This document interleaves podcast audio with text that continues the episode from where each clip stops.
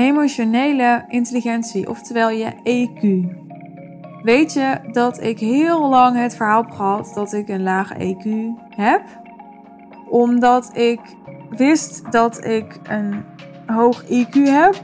Ik heb dit nog nooit verteld in mijn marketing volgens mij, maar ik ben op mijn zesde al uh, hoogbegaafd verklaard.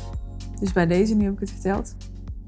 En vanaf het moment dat ik dus wist, toen ik zes was, snapte ik waarschijnlijk nog niet heel erg wat dat was. Ook al was ik hoogbegaafd. maar vanaf het moment dat ik dat wel ging begrijpen, heb ik op de een of andere manier ook de overtuiging aangenomen: oh ja, dus dan heb ik waarschijnlijk een laag EQ. En ik weet eigenlijk niet zo goed of mensen me dat hebben verteld, of dat ik dat gewoon zelf ergens heb gelezen of opgevangen. Maar ja, volgens mij is het ook een soort algemeen gemeengoed in onze maatschappij dat die twee vaak elkaar compenseren of zo. Dus volgens mij denken ook veel mensen als je een hoog EQ hebt, dan heb je een minder hoog IQ. En als je een hoog IQ hebt, dan heb je een minder hoog EQ. Nou ben ik geen expert op dit punt, maar ik geloof dat dit helemaal nergens op slaat. Volgens mij is dit helemaal niet uh, bewezen of zo. Maar ik snap wel waarom het mij handig uitkwam om deze overtuiging aan te nemen. Omdat verbinden namelijk iets heel spannends is voor ons allemaal, maar ook voor mij. En als je de overtuiging, ik heb niet zo'n hoog EQ met je meedraagt, dan hoef je dus niet zo in verbinding te gaan. Het is gewoon keiharde zelfbescherming tegen afwijzing. Dat is mijn analyse. We zijn allemaal bang voor afwijzing en we hebben allemaal onze mechanismen daarvoor. En ik denk dat van mij een heel belangrijk mechanisme altijd is geweest. En soms nog steeds wel, want ja, dingen die heel diep in jou zitten, die ram je er denk ik niet compleet uit. Blijft altijd iets van een oud patroon of oude pijn of een oude conditionering achter. Nou goed, doordat het voor mij dus spannend is om die verbinding aan te gaan, is het super handig om te zeggen: ja, ik heb niet zo'n hoog EQ, hè, kan me niet zo heel goed uh, verplaatsen in mensen. Of ik heb niet zoveel empathie. Of ik voel mensen niet zo goed aan. Of nou ja, verzin maar een variant daarop. Want dat is natuurlijk een heel goed excuus voor een mogelijke afwijzing die je kunt krijgen. Want ja, nee ja, uh, logisch dat die persoon me afwijst. Want ja, ik heb ook niet zo'n hoog EQ. Niet dat je daar zo bewust over nadenkt. Niet dat ik daar zo bewust over nadenk. Maar dat is een soort onbewust mechanisme, hè, totdat hij dus bewuster wordt. En bij mij werd hij op een gegeven moment wel bewuster. Omdat ik ook wel in het verleden als um, tiener wat diagnoses heb gekregen bij psychiaters en dat soort mensen. Waarvan later weer mensen hebben gezegd van nee, dat klopt gewoon echt niet. Maar ik kon me gewoon heel goed verschuilen, juist omdat ik een hoog IQ heb kon ik me gewoon heel goed verschuilen achter bepaalde mechanismen, waardoor het misschien leek alsof ik sommige dingen niet kon, maar dat kon ik heel goed. Ik zal je een voorbeeld noemen van een reden waarom heel duidelijk was eigenlijk dat ik als kind juist ook al super gevoelig was. Ik weet niet of gevoelig helemaal het goede woord is, maar in ieder geval ja, invoelend of empathisch ik zat op de basisschool in de, hoe heette dat ook alweer? Jeugdcommissie wilde ik zeggen, maar nee, leerlingenraad. Leerlingenraad heette dat. En als je in de leerlingenraad zat, dan mocht je. Goh, wat was dat nou ook weer? Wij mochten toen op bezoek bij een vrouw die zich inzette voor een goed doel waar onze school zich weer voor inzet. Zoiets dergelijks was het. Dus met onze school steunden wij geloof ik Edukans of zo, zo'n ander goed doel. En er was een vrouw die zich daarvoor inzette en die deed uh, allerlei uh, liefdadigheidsacties in Roemenië. En wij gingen dan als leerlingenraad daar naartoe om die verhalen te horen, zodat wij dan weer als vertegenwoordigers van de leerlingen die verhalen konden verspreiden. Zoiets was het. En ik weet nog dat ik bij die vrouw thuis was. Toen was ik echt nou, negen of zo, denk ik ik heb ook, uh, ik ook slag op de basisschool, dus ik was uh, ja, negen of zo toen ik in groep 8 zat ook. En ik werd zo geraakt door die verhalen. Terwijl ik, ja, ik was als kind echt al wel een, een harde. En ik denk juist ook wel omdat ik, nou misschien wel omdat ik die klas had overgeslagen, wat emotioneel echt zwaar is hoor. Ik wil niet zielig over doen, maar het is echt niet zo heel grappig, sociaal en emotioneel. Want ja, ik kon emotioneel echt niet meekomen met kinderen die twee jaar ouder waren. Dat was echt best wel veel op die leeftijd. Dus ik denk dat ik daar ook mede een soort olifantenhuid heb ontwikkeld. Zodat ik niet heel erg last had van dat ik soort van het.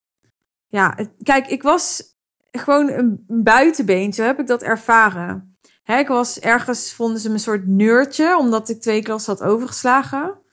Maar ik ben weer niet een neurtje qua persoonlijkheid.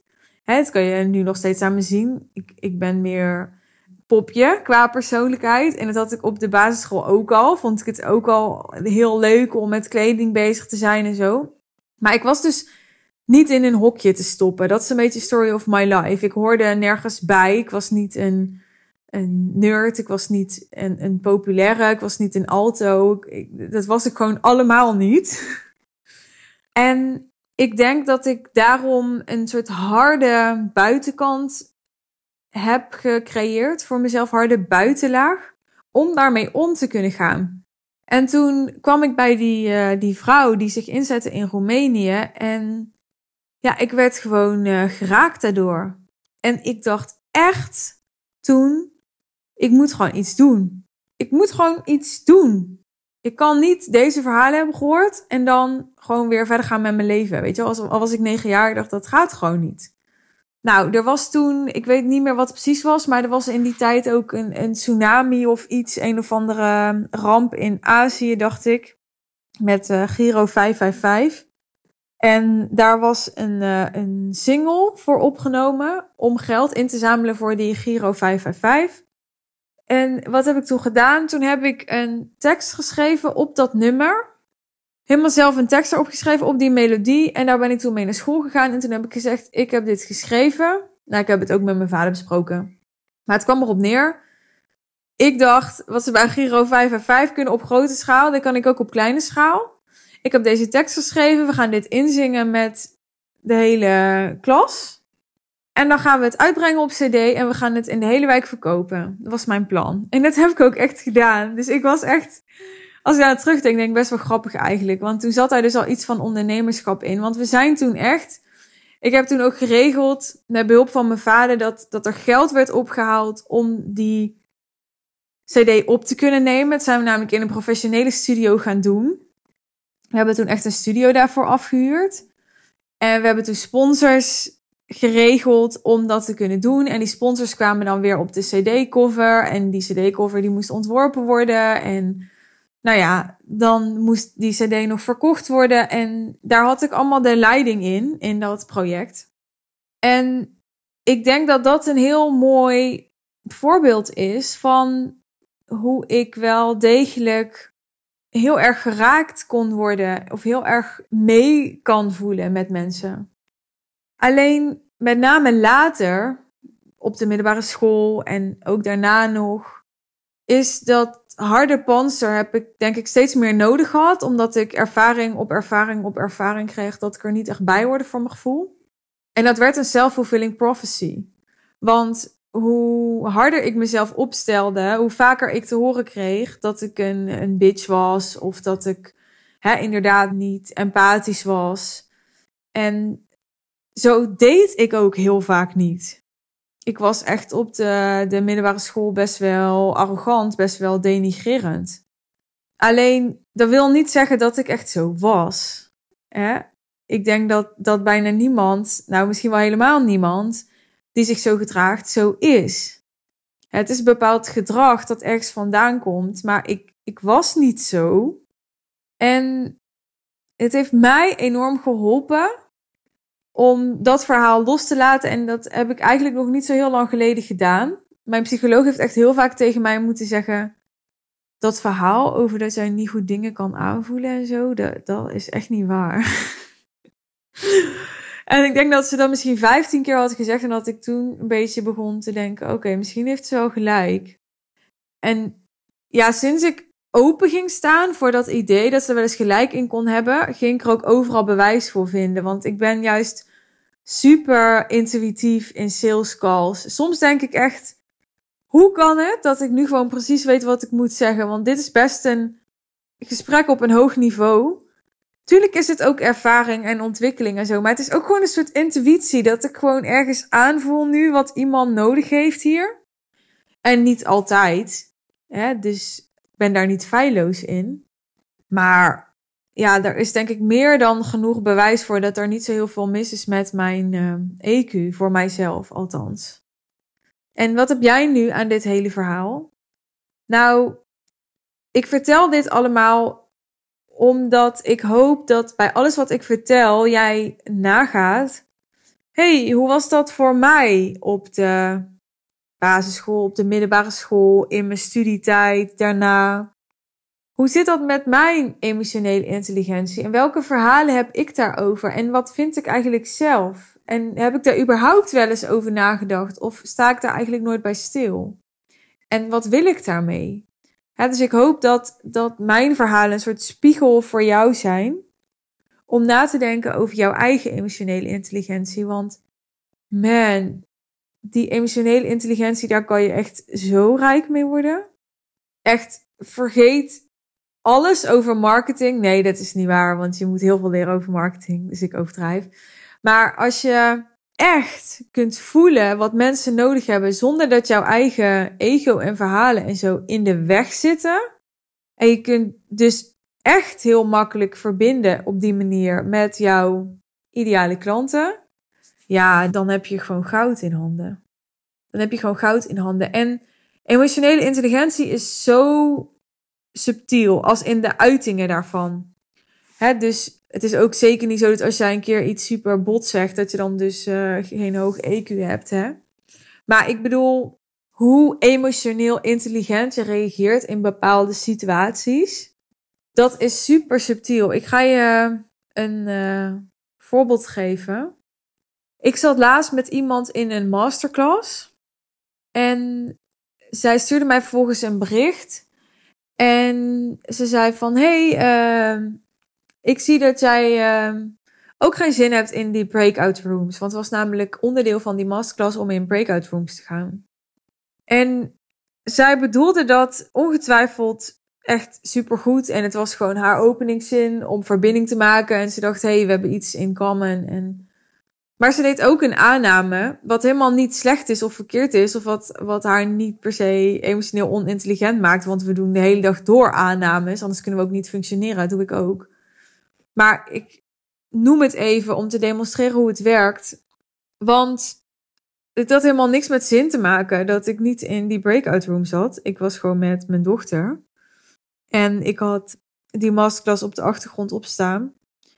En uh, ik was gewoon uh, met haar bezig. En dan had ik ook echt mijn handen vol aan. En het voelde gewoon op dat moment even zo misplaatst om te horen van zin. Weet je wel, ik bedoel, ik probeer alles soort van hier in goede banen te leiden en met elkaar te combineren en zo. En dan gaat het hier over geen zin hebben.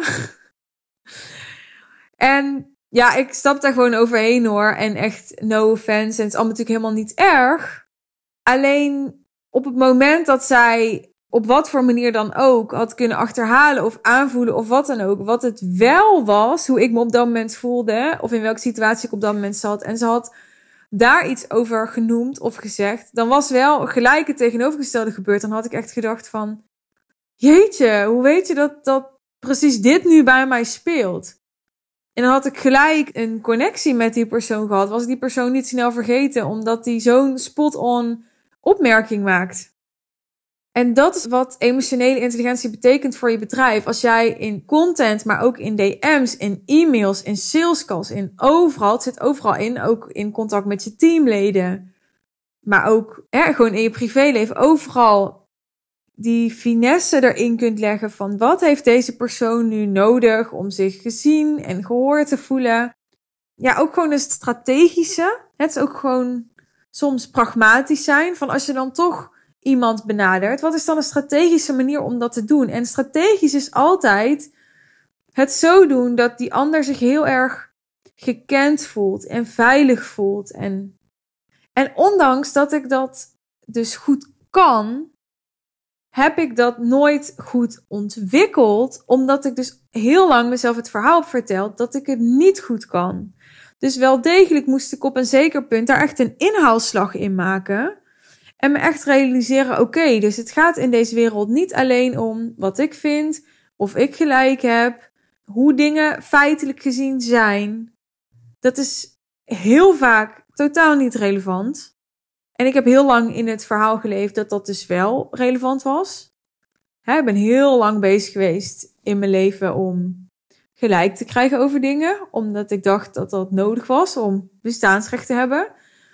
En ik heb dus niet zo ontwikkeld om dat gelijk aan de kant te zetten en ondergeschikt te maken aan wat heeft dit gesprek of wat heeft deze relatie nu nodig om zich te kunnen verdiepen of om die persoon aan mij te kunnen binden of om te zorgen dat deze persoon zich veilig bij mij voelt. En inmiddels, omdat ik dus een hoog IQ heb, heb ik me daar ook heel erg in ontwikkeld. Omdat als ik eenmaal doorzie hoe het zit. En ook de motivatie heb om het te veranderen. En dat had ik, want ik zag, oké, ik, ik kan heel veel geld hiermee verdienen als ik er heel goed in word. Wat echt een motivatie voor mij was. Toen kon ik me heel snel daarin ontwikkelen. En dat, dat blijf ik natuurlijk gewoon doen. Het is een ongoing process. Maar deze aflevering maak ik om jou ervan bewust te maken dat jij je hier ook in moet ontwikkelen. En dat je echt, echt, echt, en ik zeg dit niet omdat ik het doe en ik mijn geld ermee verdien, maar je hebt echt, echt, echt een hele goede business coach nodig om je hierbij te helpen. Niet alleen hierbij, maar dit is wel een heel belangrijk element. Want er zijn heel veel dingen waarvoor je bijvoorbeeld een, een dag kunt volgen, hè, een training kunt doen, een online programma kunt doorlopen. Maar je hebt nodig, als je heel veel geld wil verdienen, dat je gewoon een DM kunt delen met je coach en kunt zeggen: Dit is wat ik heb gestuurd. En dat je coach je de feedback kan geven. Dat is wat ik doe voor klanten. Maar dit is hoe die ander zich waarschijnlijk hierdoor gaat voelen. En zo bedoel jij dit niet, maar je hebt dit gedeeld of gezegd of benoemd vanuit jezelf. En niet vanuit wat heeft die ander nou nodig om zich gehoord te voelen of veilig te voelen. Of wat heeft die ander nou nodig om verder hierover met mij in gesprek te gaan. En daarin heb je ook echt een spiegel nodig van een hele goede coach. Want je hebt daar zelf blinde vlekken in. Dat hebben we allemaal. dus het maakt niet uit of je zelf coach bent en heel goed snapt hoe dit soort dingen werken. Het is belangrijk dat je hier heel goed op gecoacht wordt. En dat je dus een goede business coach hebt die ook heel alert is op die emotionele intelligentie. Ja, want er zijn een heleboel strategen die supergoeie strategen zijn. Maar die het heel erg doen op daadkracht en op bewezen formules. Alleen die bewezen formules hebben zich inderdaad bewezen. Daar kun je veel geld mee verdienen. Alleen de enorme multiplier van die bewezen formules is dat jij daar een laagje emotionele intelligentie aan toevoegt. Dus dat jij tussen de regels door je communicatie, dat wat je zegt, maar niet alleen wat je zegt, ook hoe je dingen zegt. Zelfs hoe je je kleedt, hoe je je make-up doet, hoe je erbij zit, hoe de achtergrond is tijdens je Zoomcast. Dat is ook allemaal emotionele intelligentie, hè? want het gaat allemaal over dat wat jij communiceert. En communiceert is niet alleen verbaal, is niet alleen cognitief. Wat heeft dat voor effect op die ander? En is dat het effect dat je wilt bereiken. Dat is waar emotionele intelligentie over gaat. En je kunt niet superrijk worden, dat geloof ik echt, als coach of consultant, als je met mensen werkt. Kijk, als je gewoon uh, alleen maar vastgoed doet, dan is het misschien nog een ander verhaal. Maar ik denk zelfs dan, want ook dan moet je onderhandelen, moet je relaties bouwen. Dus ik denk dat het universeel is als je rijk wilt worden. Dan is gewoon belangrijk dat je ja, dat je dit gaat masteren. Dat je deze people skills en deze uh, knop die we allemaal hebben, dat je daaraan gaat draaien bij jezelf. dat je het, het volume van je sensor veel harder gaat zetten en ook weet hoe je ermee om moet gaan. Want het gaat niet alleen over dat je, dat je dingen aanvoelt. Want ik weet, er zijn superveel vrouwen met name, maar ook mannen die, die hoogsensitief zijn en die kunnen channelen en downloaden en van alles oppikken en aanvoelen en intunen. Maar dat is nog iets anders dan ook dat vertalen naar het hier en nu en hele praktische, strategische communicatie. Wil je daar meer over leren, dan eh, ben je heel welkom bij me. Je kunt meer lezen over mijn business traject The Real Deal via de link in de omschrijving bij deze aflevering. En op die pagina kun je ook gelijk je call boeken als je mij wilt spreken om te onderzoeken of we een match zijn. Heb je eerst nog een vraag voordat je een call boekt, dan uh, stuur me gerust een DM. Die kunnen we verbinden met elkaar. Dank je wel weer voor het luisteren. Abonneer je op mijn kanaal of volg mijn kanaal als je dat nog niet hebt gedaan en op de hoogte wilt blijven van nieuwe afleveringen. En heel graag tot de volgende podcast. Bye bye.